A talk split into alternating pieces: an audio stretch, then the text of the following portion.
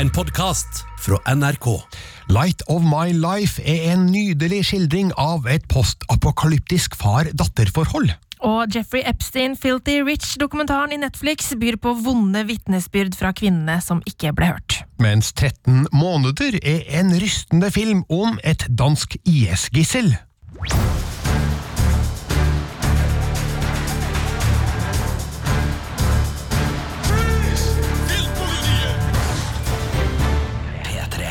Og det er altså klart for en ny podkast fra Filmpolitiet med Birger Vestmo. Og Marte Hedenstad. Og vi skal starte på kino, og det er jo deilig å være tilbake i kinomørket igjen.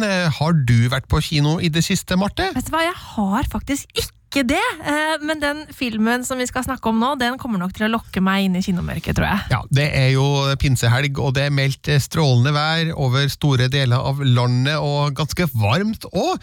Og da er det jo deilig å søke inn i en sval, kjølig, mørk kinosal. Ikke sant? Og um, denne helga er det da premiere på to filmer som begge fortjener oppmerksomhet. Men eh, skal vi starte med den første først, da, nemlig Light of My Life. Do I have the plague? No, you don't have the plague. But just because people aren't getting sick anymore doesn't mean that the world is right again. When will it be right again? When it's balanced. And you know what? I kind of like it, just you and me. Yeah, me too. Light of My Life er skrevet, regissert og produsert av Casey Affleck, som òg spiller den ene hovedrollen. Så det her er, ja, om ikke et one man-show, så er det i hvert fall Casey Afflecks hjertebarn.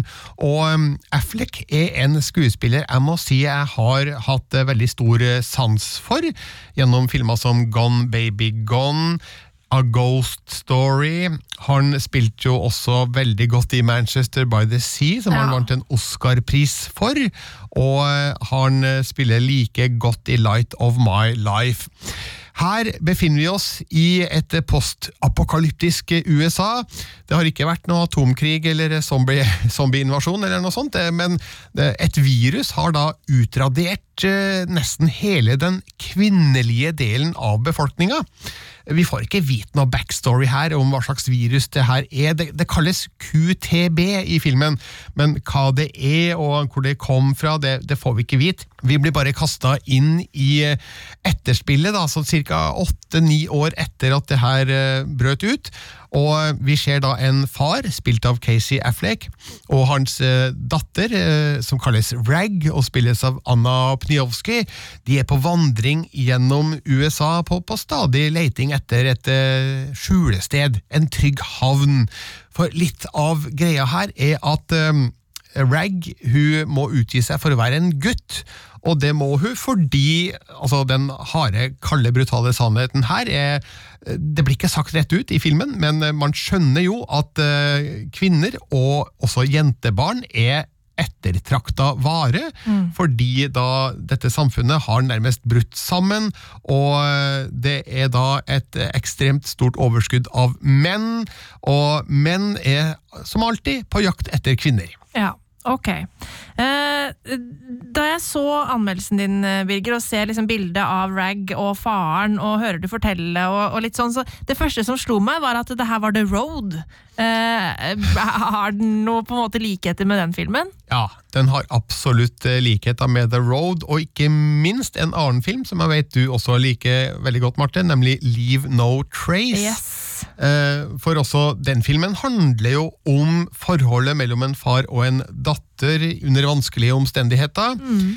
Litt annerledes i eh, Light of My Life, for i Leave No Trace eh, så har jo faren mentale problemer, og det er derfor de har da trukket seg vekk fra samfunnet, mens i Light of My Life er det jo helt andre årsaker til at de eh, prøver å komme utenom de store byene og tettbefolka strøk. Men eh, det handler jo da i begge filmene om eh, hvordan omstendighetene fører far og datter eh, nærmere hverandre. Og vi ser jo i begge filmene at de har såkalte ja, red flag drills, kalles det i Light of My Life. Jeg husker ikke hvordan, hvordan det var i Leave No Trace, men de øver jo på sånne alarmsituasjoner, da, der de er nødt til å rømme på et eller annet vis.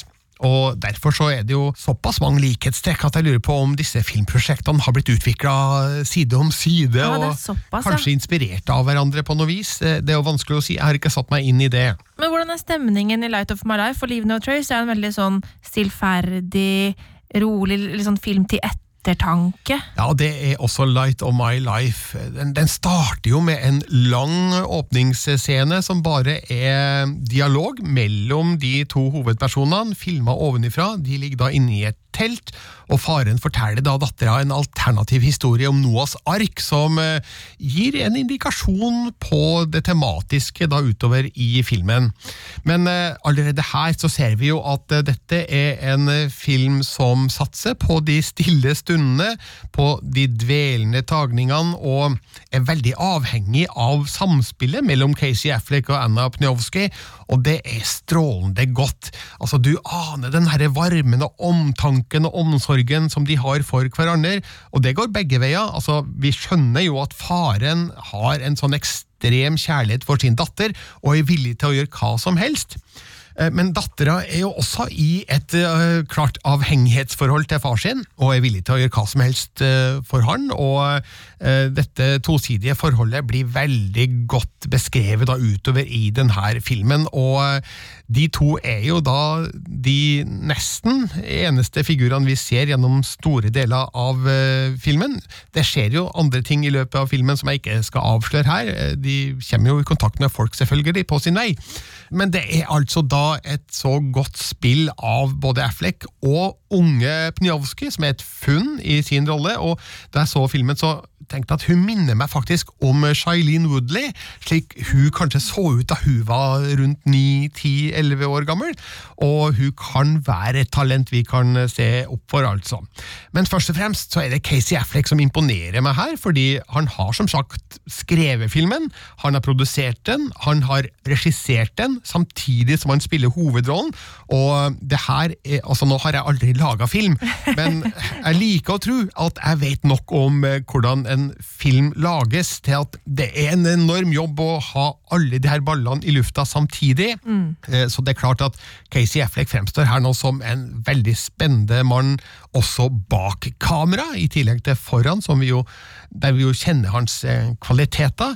Så dette er en film jeg anbefaler virkelig, og eh, klart, det er kanskje ikke den mest publikumsvennlige underholdningsmaskina, det er det ikke. Det er ikke en popkornfilm, det Nei, absolutt ikke, men den er fin og var og hjertelig, og så har den en del eh, innslag av eh, litt mer brutale ting som jeg ikke skal avsløre, men som jo da gjør at alt det som disse personene har bygd opp i løpet av filmen, står på spill. Så man føler at her er det en risiko, og man står i fare for å miste mye, men eh, vel, du får se Light of My Life da, for å se åssen det går, eh, Marte. Men ja. det håper jeg du, du gjør, for du, du likte jo Leave No Trace veldig godt. Ja, Den likte jeg kjempegodt, eh, og det er nettopp det du nevner om forholdet mellom far og datter, og eh, litt sånn dynamikken der som jeg syns var veldig spennende i Leave No Trace. Eh, også den der plagede fortida han sliter med der, da, men eh, det høres veldig veldig spennende ut det du, det du sier her, og ja, jeg må rett og slett komme meg på kino. Det er ikke en dårlig førstefilm det her, eller? Nei, det er en veldig god førstefilm, det, Marte, så jeg tror absolutt at den kan gjøre seg hvis du velger å gå på kino i løpet av den pinsehelga. Tenkte jeg skulle nevne en ting til til slutt da, om eh, Light of My Life, og det er jo faktisk rulleteksten. Eh, Den avslutter jo da med tekstplakater med ja, credits, du vet, og når det kommer til skuespillere, så er det faktisk eh, Anna Pniowskis navn som står først, midt i bildet. Og etterpå så kommer Casey Afflecks navn helt opp i høyre hjørne. Det er nesten som om Casey Affleck omtrent unnskylder seg for at eh, ok, nå har jeg skrevet, produsert og regissert. Ja, og så spiller jeg hovedrollen også, tar mye plass, ikke sant? Det kan være sånn ydmykt grep fra Casey Afflecks side, men så kan det jo være et grep for å indikere at eh, denne historien som fortelles i Light of My Life, først og fremst tilhører dattera og ikke farsfiguren, men det her får man egentlig bare tolke som man vil etter å ha sett filmen, men det var i hvert fall et lite poeng jeg tenkte jeg skulle dra frem. Men eh, det er da en klar femmer på terningen til Light of My Life, og det betyr en varm anbefaling fra meg.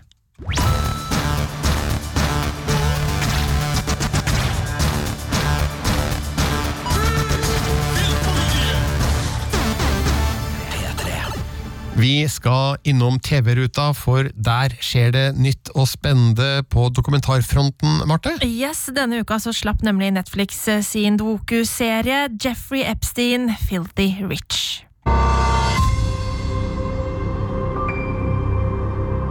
He was known as this Gatsby like figure of mystery. He was stunningly rich. He had a $20 million house, his own private island in the Caribbean. has a nickname, the Pedophile Island. He's dead, but he did not act alone. This is the tip of a much bigger iceberg. Take them down. Take everybody down.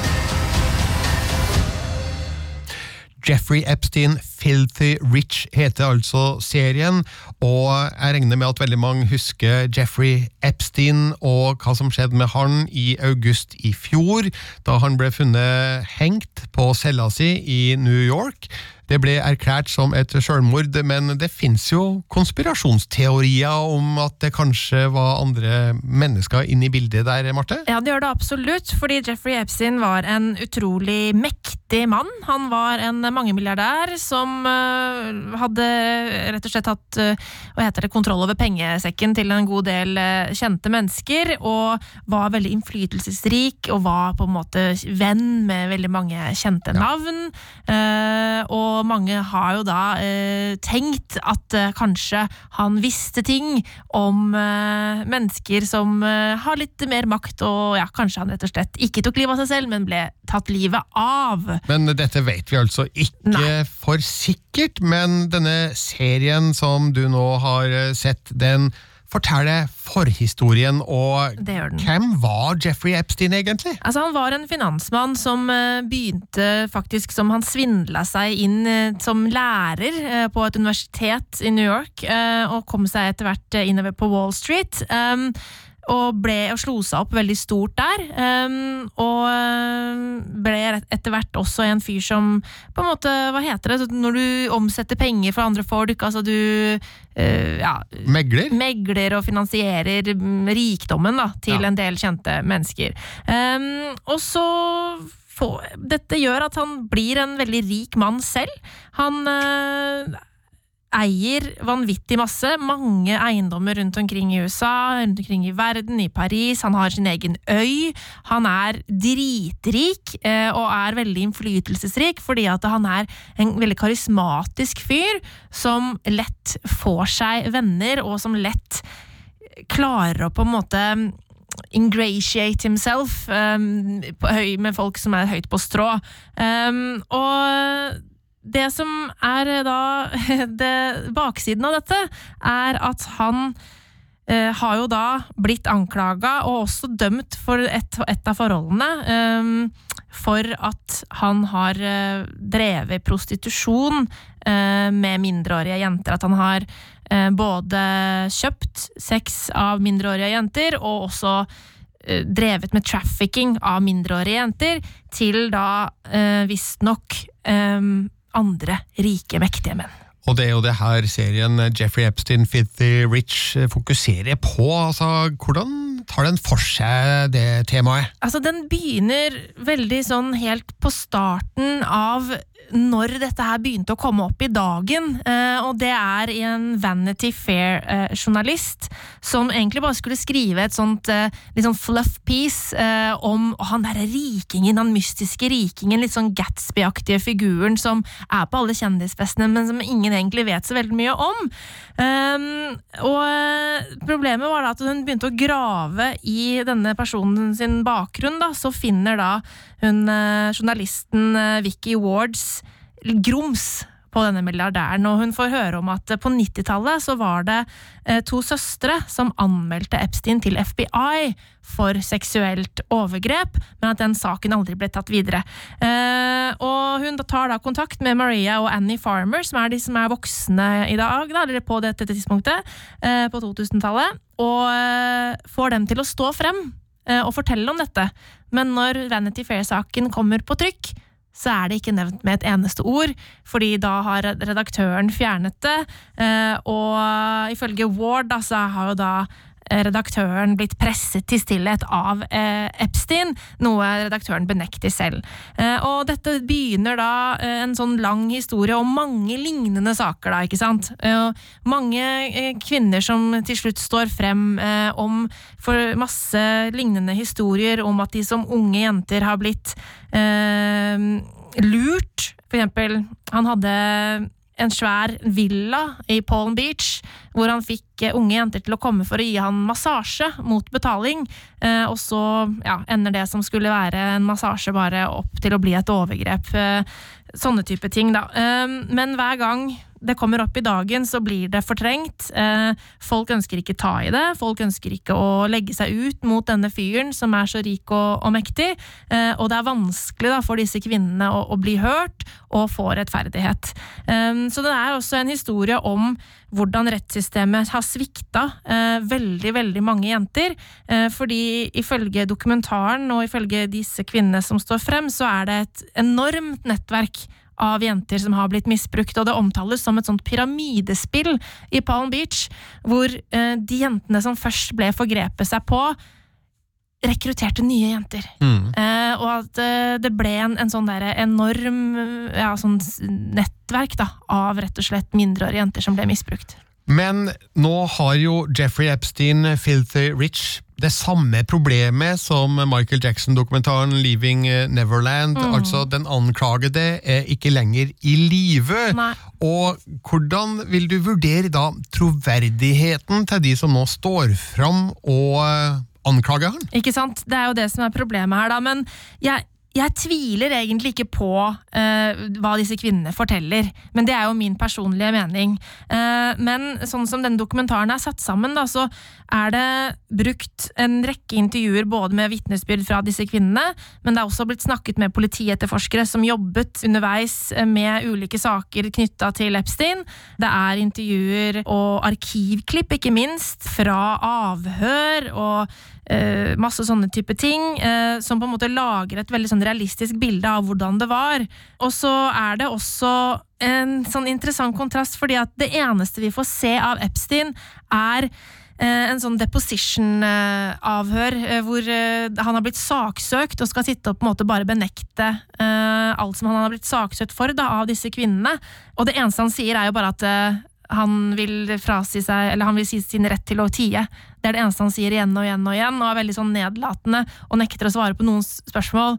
Sånn at eh, det er det vi får se av han. Eh, så om på en måte han hadde levd, eh, så hadde han nok kanskje ikke villet kommentere det likevel. ikke sant? For det, man, det er liksom Den eneste kommentaren vi får fra han, er det at han frasier seg retten til å uttale seg, eller han vil bruke sin rett til å, til å holde kjeft, rett og slett.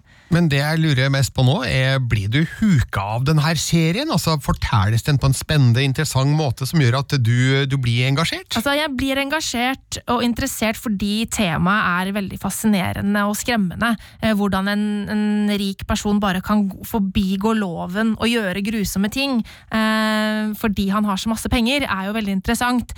Men det er ikke noe sånn for det første så er det ingenting nytt som fortelles eh, i dokumentaren. Eh, alt er info vi vet fra før. Den er jo basert på en eh, bok som kom i 2016 om de tidligere forholdene om Epstein.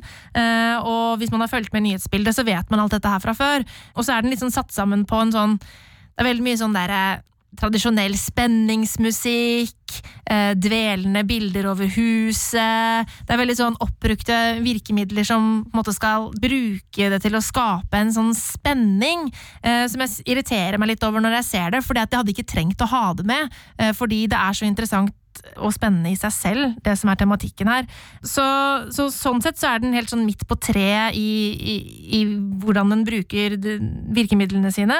Eh, men så er det veldig sterkt eh, å høre disse kvinnene sitte og fortelle hva de har opplevd, og det gjør at jeg henger med. Det jeg kunne ønske meg fra denne dokumentaren, var at eh, den kanskje hadde kommet på et litt senere tidspunkt.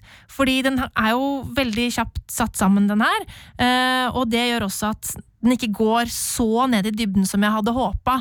Eh, fordi vi er jo innom hvordan han har snodd seg unna, og vi er jo innom at han gjorde jo avtaler med altså US Attorney Acosta, for eksempel, som jo har vært i media masse etter at han sa fra seg stillingen sin i Trump-administrasjonen av Epstein-skandalen som på en måte toucher innom det med hvordan på en måte rettssystemet kanskje har vært korrupt. Um, og jeg skulle gjerne hatt mer av det.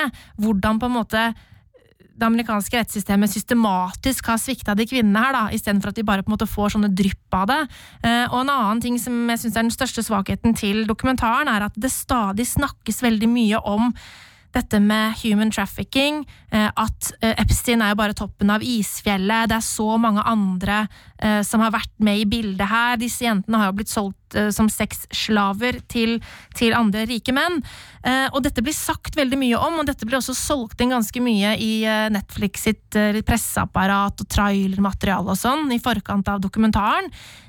Men den graver aldri noe i det. Nei. Det blir liksom sagt 'ja, jeg ble trafficka'.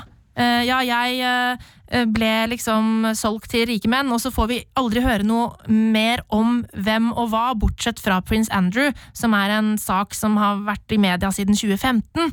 Sånn at uh, det syns jeg er litt synd, for den bygger så mye opp til at vi skal få vite mer om dette svære sex-trafficking-nettverket som Epstein skal ha drevet, liksom og så lar den det på en måte bare flyte ut. Vi får ikke se noe mer av det isfjellet som ligger under overflaten, som det snakkes så mye om. Nei, kanskje hvis denne miniserien blir en suksess, at de eh, utvider den til å kanskje omfatte det, hvem mm. vet? Men det er altså da en minidokumentarserie? Det er det, fire episoder bare. Eh, og, eh, og jeg har gitt en ternekast fire, altså, så det er jo en anbefaling å se den. Og hvis man syns at Epstein-saken har vært provoserende og interessant eh, og er nysgjerrig, så eh, selv om man har vært på en måte mye oppdatert på saken, så er det interessant å se det. Men ikke tro at du skal få vite noe helt sånn nytt og sjokkerende i denne dokumentaren.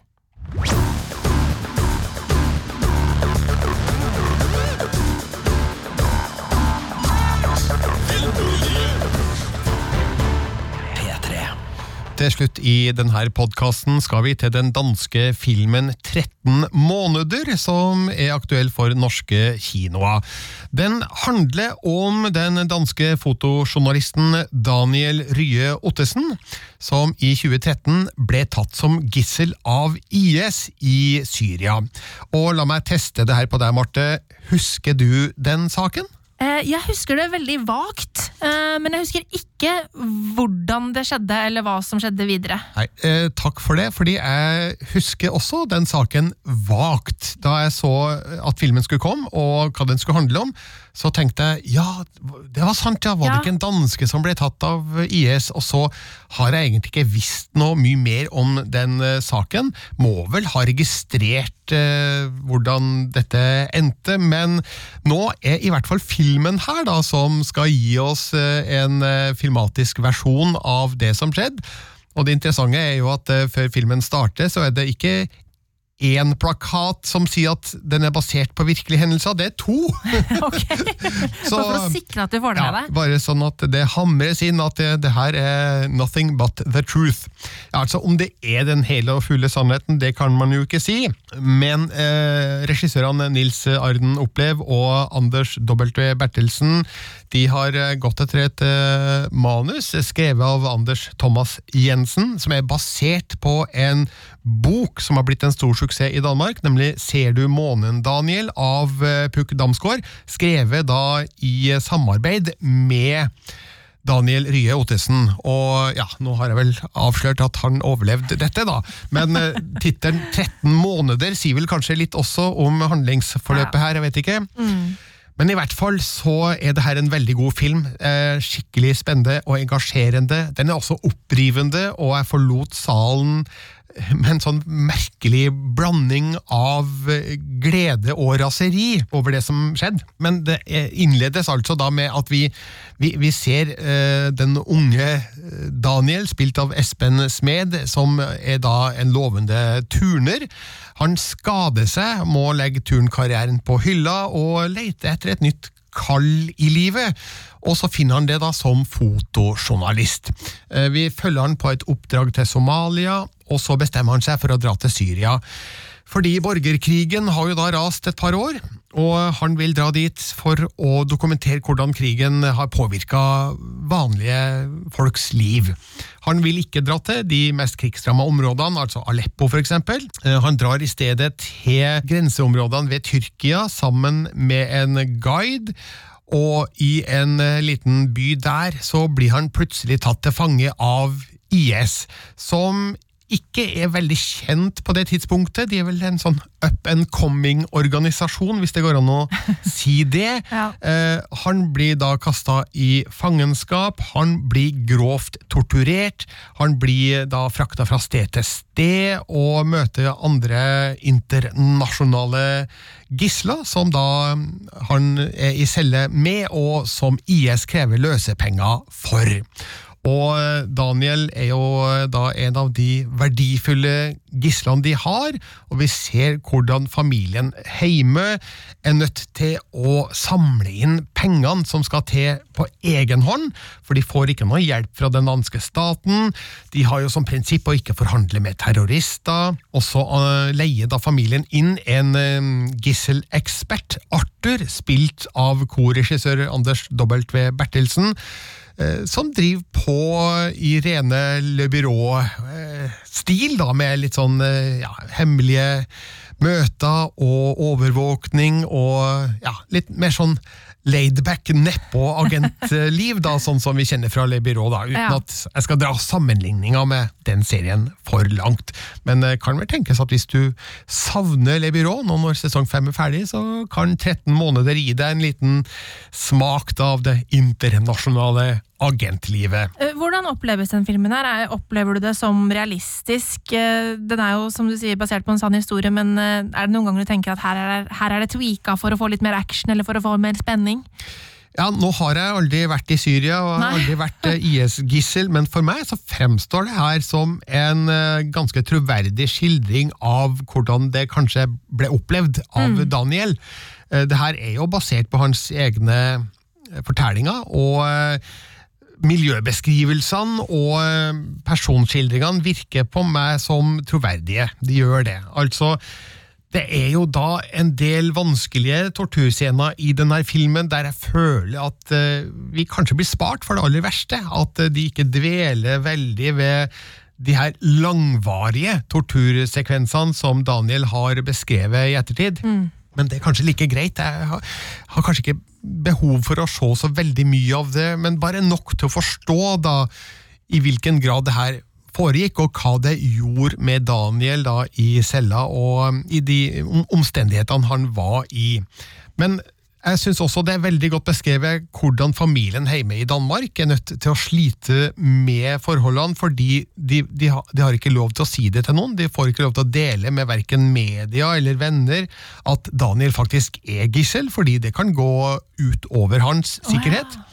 Eh, og hvordan de da er nødt til å samle inn penger, uten å si veldig klart hva de samler inn penger til. Og vi ser jo da fortvilelsen, og vi ser eh, sorgen, og ja, vi ser sinnet som brer om seg, og jeg tenker at det virker som veldig realistiske reaksjonsmønstre da, i den situasjonen den familien kom opp i. Så alt det her er veldig bra gjort, og det som står i sentrum her, er jo Espen Smed i hovedrollen. Han gjør en fenomenal innsats, og eh, mange har sett han i eh, den danske serien Bedrag. Jeg har bare sett den én gang, nemlig i filmen The Kindness of Strangers av Lone Skjerfig, som åpna filmfestivalen i Berlin i fjor. Men jeg husker at jeg likte han veldig godt der, og jeg liker han enda bedre nå etter at jeg har sett 13 måneder, for eh, han gjør en kjempe kjempeimponerende innsats som Daniel, som starter som en sånn entusiastisk eh, idealist som kanskje er litt naiv i forhold til den situasjonen han er i ferd med å komme seg opp i, men eh, han innser jo straks eh, alvoret, og vi følger jo Daniel gjennom eh, noen oppturer og mange ekstreme nedturer da, i løpet av eh, denne handlinga, og det må jo ha vært enormt eh, vanskelig og en stor påkjenning for da Daniel, den virkelige Daniel, det her. og jeg syns Espen Smed uh, får formidla det veldig veldig godt. altså, så Han er et talent å se opp for uh, videre utover. Og så liker jeg også veldig godt Anders W. Bertelsen, som da også er filmens korregissør. Han er jo da en merittert skuespiller, uh, og han spiller jo da Arthur, denne gisselforhandleren, uten de store faktaene og uten den store fargelegginga. Han, han er, som jeg sa, litt mer sånn nedpå-agent, som da oser av troverdighet, og som en sånn verdensvant globetrotter som har kontakter i nord og sør og øst og vest, og eh, som da sakte, men sikkert eh, maler seg frem til et bilde av hvor Daniel er, og hva han eventuelt kan gjøre da for å løse situasjonen. Så dette er veldig bra. Jeg har egentlig bare én ting å utsette på filmen.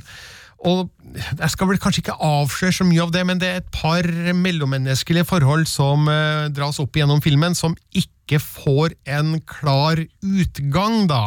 Det løses med noen tekstplakater, og det er litt sånn småskuffende, men det kan vel være at eh, de var nødt til å kutte ned på spilletida her, for filmen er allerede godt og vel over to timer lang. Nesten to og en halv. Men eh, det er et bitte lite skår i gleden, for eh, 13 måneder er en kvalitetsfilm på de aller fleste områder, og det ble en eh, god femmer på terningen. Det er ikke noe særlig bra eh, reklame for eh, tur til Syria. Eh, og det er heller ikke noe god reklame for eh, IS, hvis de skulle ha trengt det.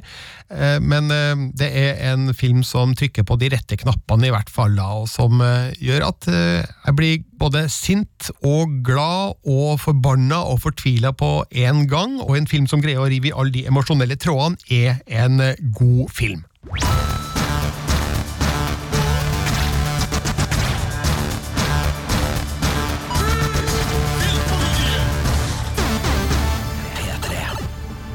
På tide å trekke inn årene og si takk og farvel for i dag, men eh, det kommer en uke neste uke òg. Ja. Og da det er flere nye kinofilmer å se frem til, blant annet den islandske Melkekrigen, og også The Peanut Butter Falcon, som ble vist på filmfestivalen Kosmorama i Trondheim eh, tidligere i år, og som da har Shia LaBeouf i hovedrollen.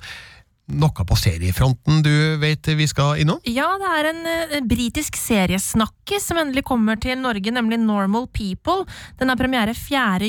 juni, og det er en serie som mange har spurt sånn Å, skal dere anmelde den? Skal dere anmelde den? Så da kan jeg bare svare ja, vi skal anmelde Normal People. Inntil videre kan du besøke oss på Instagram og på Twitter. Du kan sende oss mail på filmpolitiet etter nrk.no hvis du vil det. Og så sier vi takk for oss. Takk for oss! Og hvem er vi? Vi er Marte Hedenstad. Og Birger Vestmo. En podkast fra NRK. Hva med en podkast som plukker ut de viktigste nyhetene for deg? Både fra Norge og verden. Og som snakker om dem på en sånn måte at du ikke klarer å la være å høre på. En snarvei til skikkelig peiling. Hør nyhetspodkasten Oppdatert Med meg, Ragna Nordenborg. i appen NRK Radio.